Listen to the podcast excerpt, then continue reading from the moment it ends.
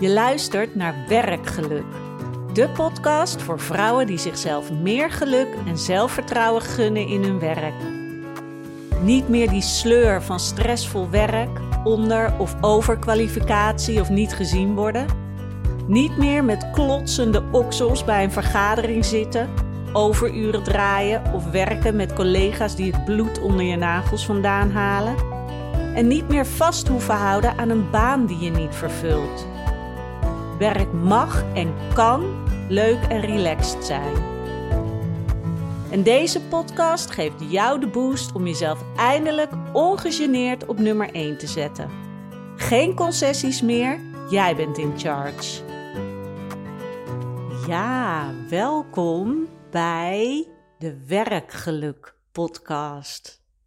Misschien denk je nu als trouwe luisteraar, uh, zit ik bij de juiste podcast?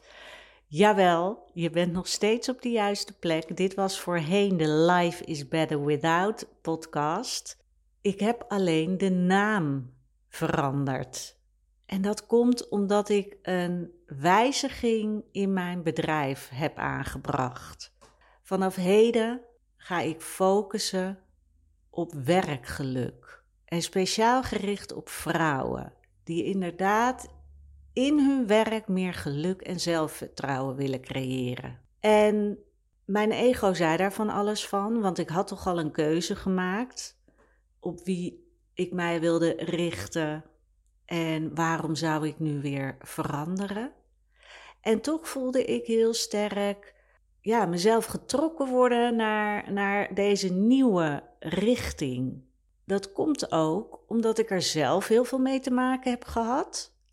Eerder was ik natuurlijk meer gefocust op de eetstoornissen. Daar weet ik ook alles van als je eerdere podcasts van mij hebt beluisterd.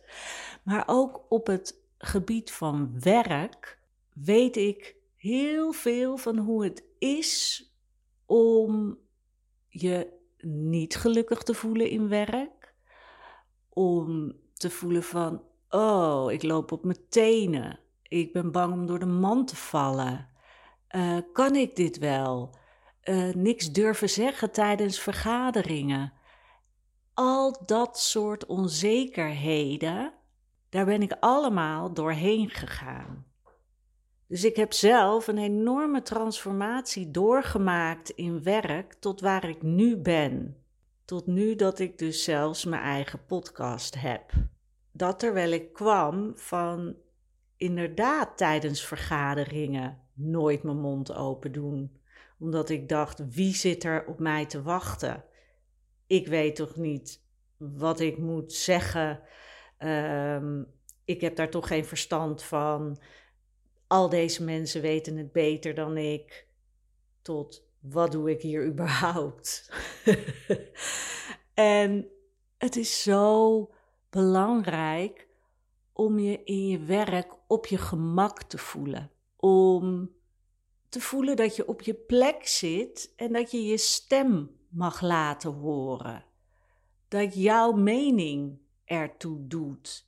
In plaats van dat je aan die zijlijn blijft staan en dat het alleen maar voelt alsof je een soort figurant bent. Dat je wacht tot iemand anders iets aan je vraagt, dan geef je antwoord en dan stop je weer. En dat is niet vervullend. Althans, voor mij was dat niet vervullend en ik denk voor heel veel anderen ook niet. En daarnaast is het heel belangrijk om te voelen, ja, wat past er nou echt bij mij? En ik ga me in mijn coaching niet richten op samen op zoek gaan naar een nieuwe baan, maar wel van wat zit erachter dat jij je nu niet 100% kan geven in je werk Waar komt die onzekerheid nog vandaan? En hoe kan je dat gaan transformeren dat jij steeds meer nieuwe dingen durft? Want dat is het. Er zit zelfvertrouwen in jou, zoals ik al in een eerdere podcast ook al eens heb benoemd. Maar het komt er niet uit omdat je je laat weerhouden door angst angst dat je niet goed genoeg weet, of angst dat mensen je niet aardig vinden, of angst dat je bang bent om door de man te vallen. Weet je, dat kunnen allemaal angsten zijn die jou weerhouden van het voelen van zelfvertrouwen in jouw werk. Want het kan zelfs zijn dat je denkt: ik vind mijn werk heel erg leuk en toch voel je, ik kan niet helemaal mezelf 100% geven. Ik hou mezelf tegen. En dat zijn de dingen die zo zonde zijn, omdat werk zo'n groot deel van ons leven in beslag neemt. Dus waarom zou je dan genoegen nemen met moi werk of de dooddoener? Werk hoeft niet altijd leuk te zijn of het is maar werk. Tuurlijk kan je denken soms, het is maar werk. Je hoeft het niet allemaal heel zwaar te zien, maar waarom er niet voor gaan dat je werk leuk en vervullend is? Want dat kan. En dat heeft alles te maken met jezelf durven te transformeren. Jezelf durven te ontwikkelen en je angsten aan durven gaan. En dat is natuurlijk wat ik tijdens mijn coaching altijd al doe, dus dat verandert niet.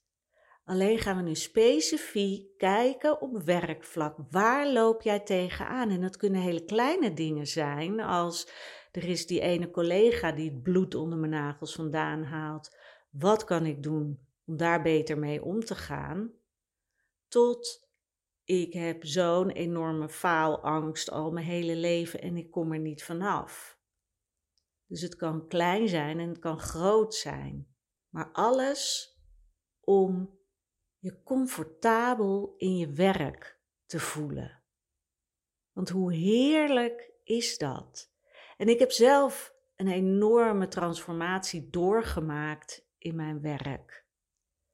Daarom heet deze podcast-aflevering ook hoe ik stopte mezelf weg te cijferen in mijn werk. Ik heb heel lang productiewerk gedaan en dan niet in een fabriek, maar uh, in de muziekindustrie.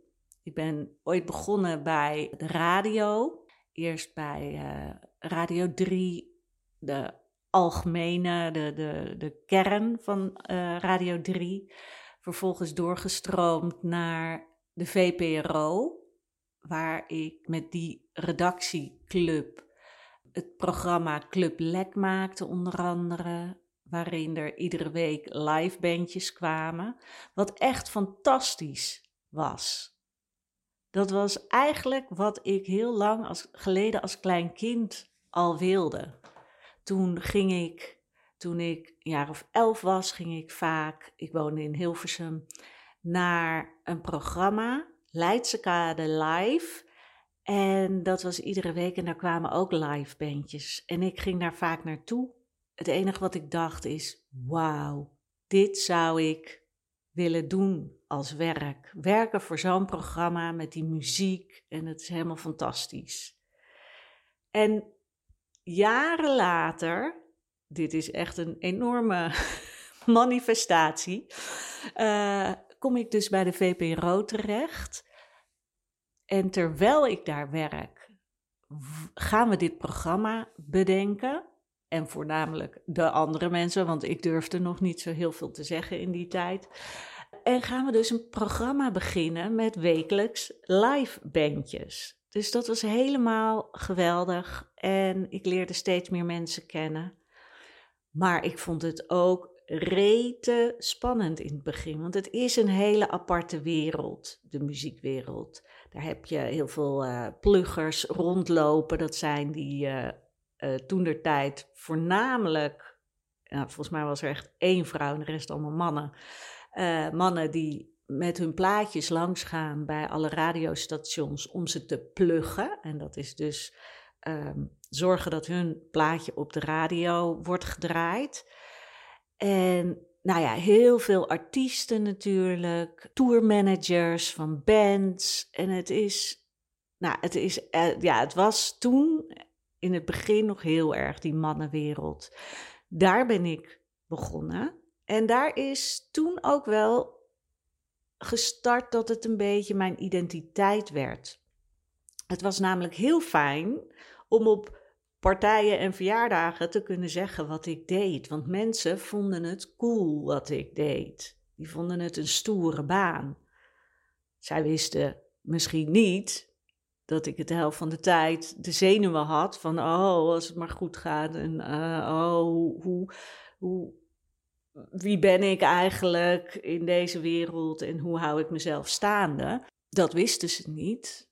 Maar die identiteit van ik werk bij de radio of ik werk in de muziekindustrie was deels een heel fijn gevoel. Alleen voelde ik me helemaal niet happy in mijn werk op veel vlakken. Terwijl ik heb echt een fantastische tijd gehad. Maar ik was ook een wrak. Ik zat toen nog met die eetstoornis. En ik was super onzeker. En ik durfde amper wat te zeggen. Naarmate ik langer in die wereld zat, kon ik mezelf steeds beter staande houden. En begon ik me steeds meer thuis te voelen. Maar het feit dat de buitenwereld denkt: wat een te gekke, coole baan, wil niet zeggen dat het daadwerkelijk een te gekke, coole baan is. Ik ben na de radio uiteindelijk bij de Melkweg, dus een concertzaal in Amsterdam, gaan werken als productieleider. Dus dat is ook weer het regelen van alle concerten die daar plaatsvinden, contact met de tourmanagers en voornamelijk alles regelen voor de partij die komt spelen in de concertzaal. En je bent een soort tussenpersoon tussen alle mensen die werken in de concertzaal. En ook dat was weer een enorme mannenwereld. ik heb dat deels heel leuk gevonden. Ik had ook hele leuke collega's. Maar ik merkte op een gegeven moment ook dat ik, hoewel ik mijn stem wel iets meer begon te, te vinden en meer durfde te zeggen in vergaderingen, want dat was in het begin ook helemaal niet zo. Dus ik begon me meer thuis te voelen. Maar juist op het moment dat ik me meer ging thuis voelen, gingen ook dingen me tegenstaan. En dat is interessant, want zodra je jezelf meer ruimte geeft om te zijn in je werk, echt jezelf te zijn en dingen te mogen vinden, zal je ook gaan zien de dingen die je minder leuk vindt in je werk.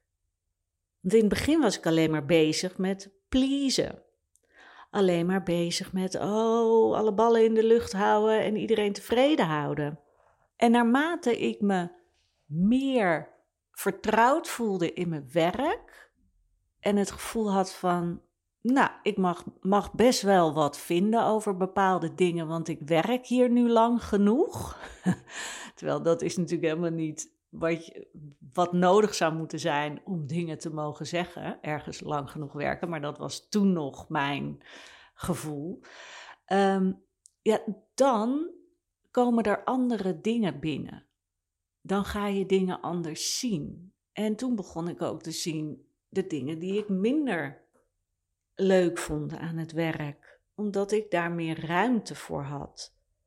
En dat had net zo goed andersom kunnen zijn dat de leuke dingen meer binnenkwamen. Alleen blijkbaar was dit toch niet mijn pad wat ik te belopen had. Want ik kwam er ook achter dat het steeds meer ging wringen.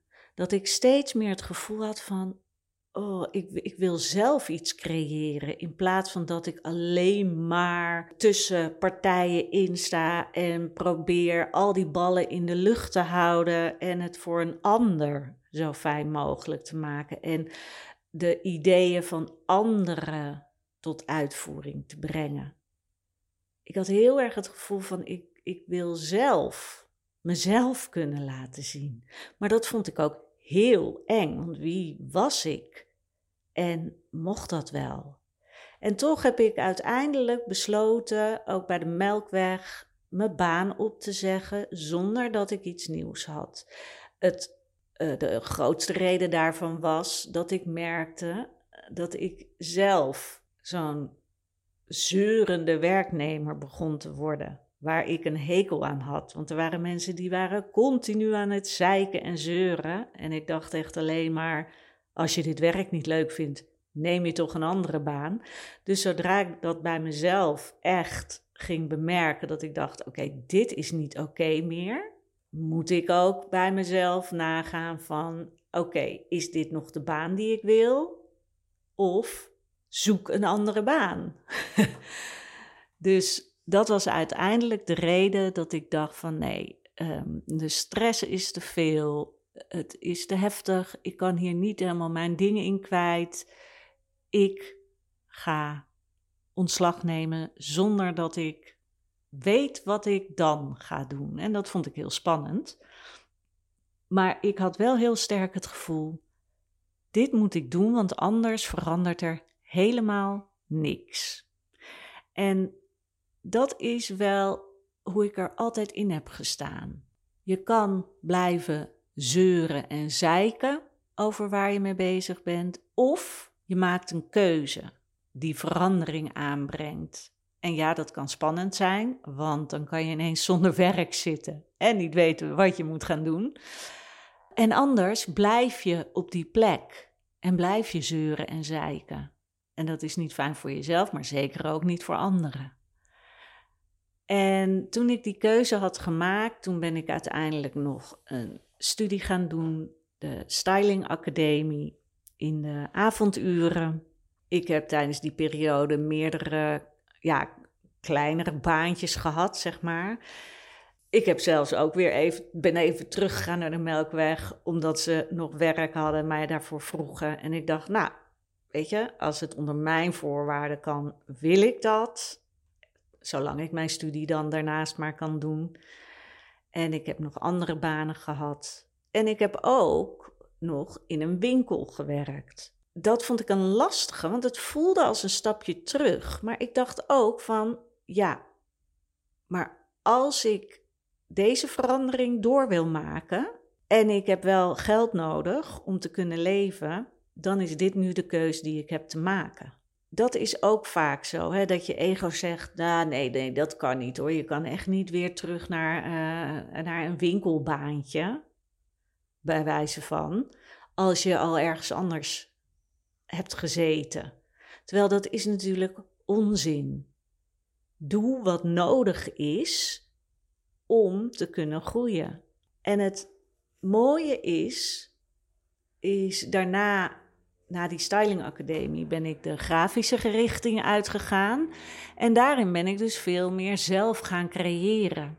En dat was dus het verlangen wat ik toen had. En dat was spannend, maar ook heel fijn. En ik heb daarna een hele leuke baan gehad, ook nog bij een bedrijf als inhuis uh, grafisch vormgever. En ook daar ben ik uiteindelijk weggegaan toen ik merkte: oké, nu begin ik ook veel te zeuren en te zeiken, net als andere medewerkers.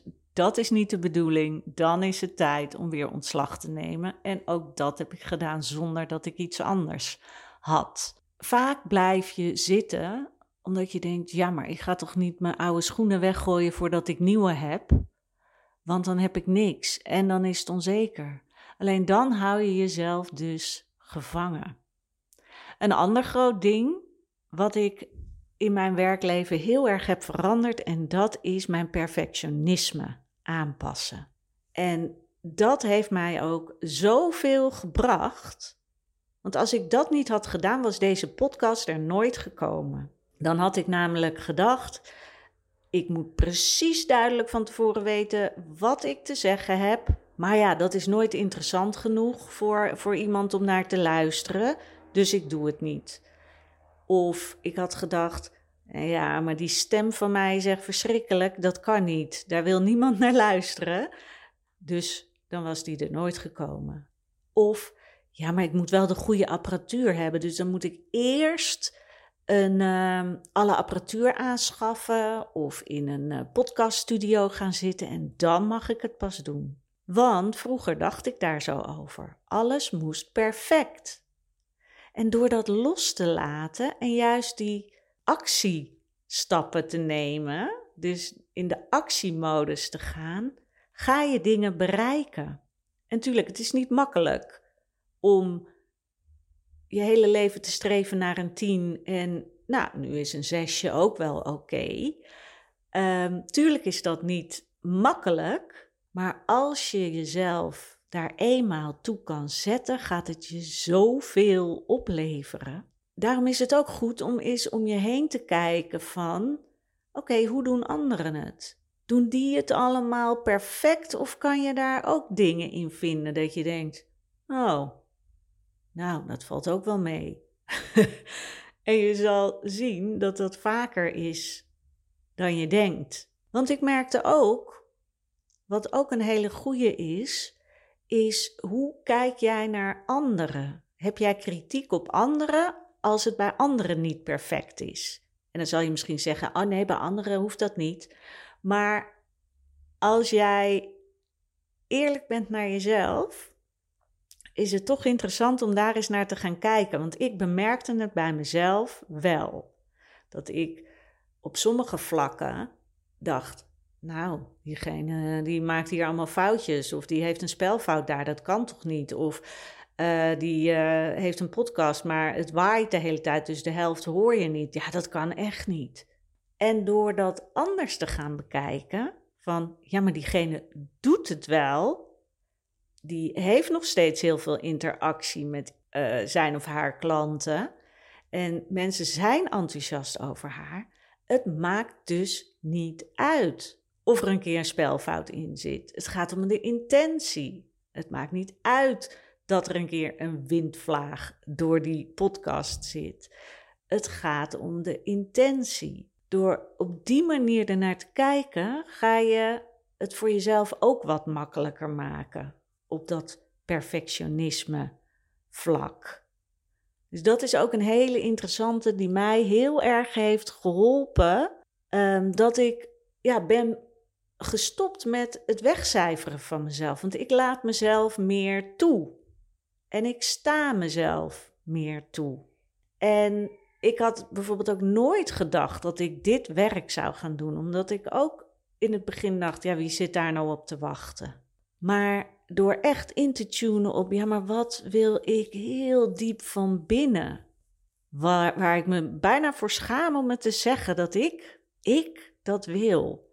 Maar door dat toch te doen en toch dat gevoel te volgen, ben ik mezelf ook steeds weer meer aan het vinden.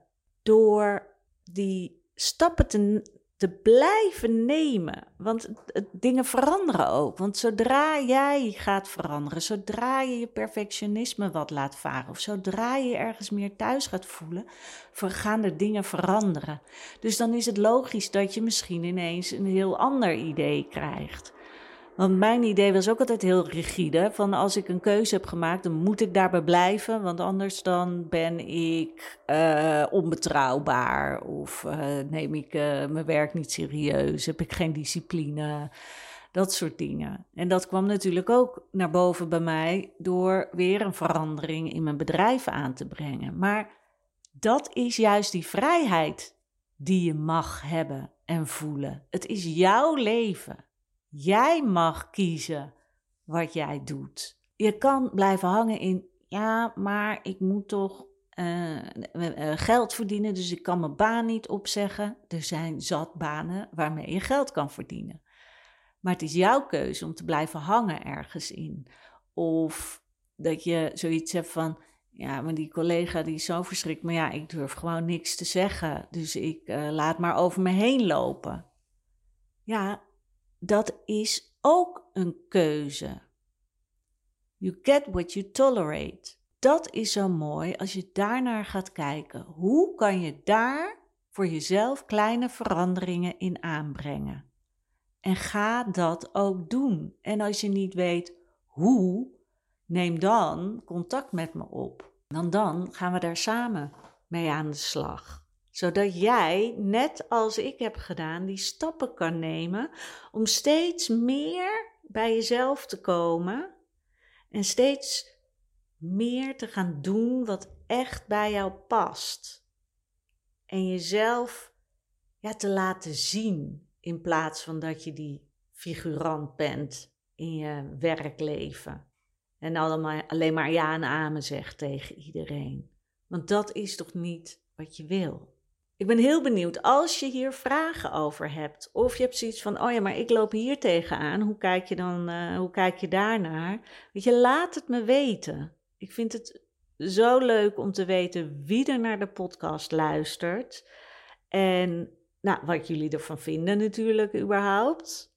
Ook dat de naam is veranderd. Terwijl de insteek nog steeds hetzelfde blijft, alleen nu wat meer gericht op werk.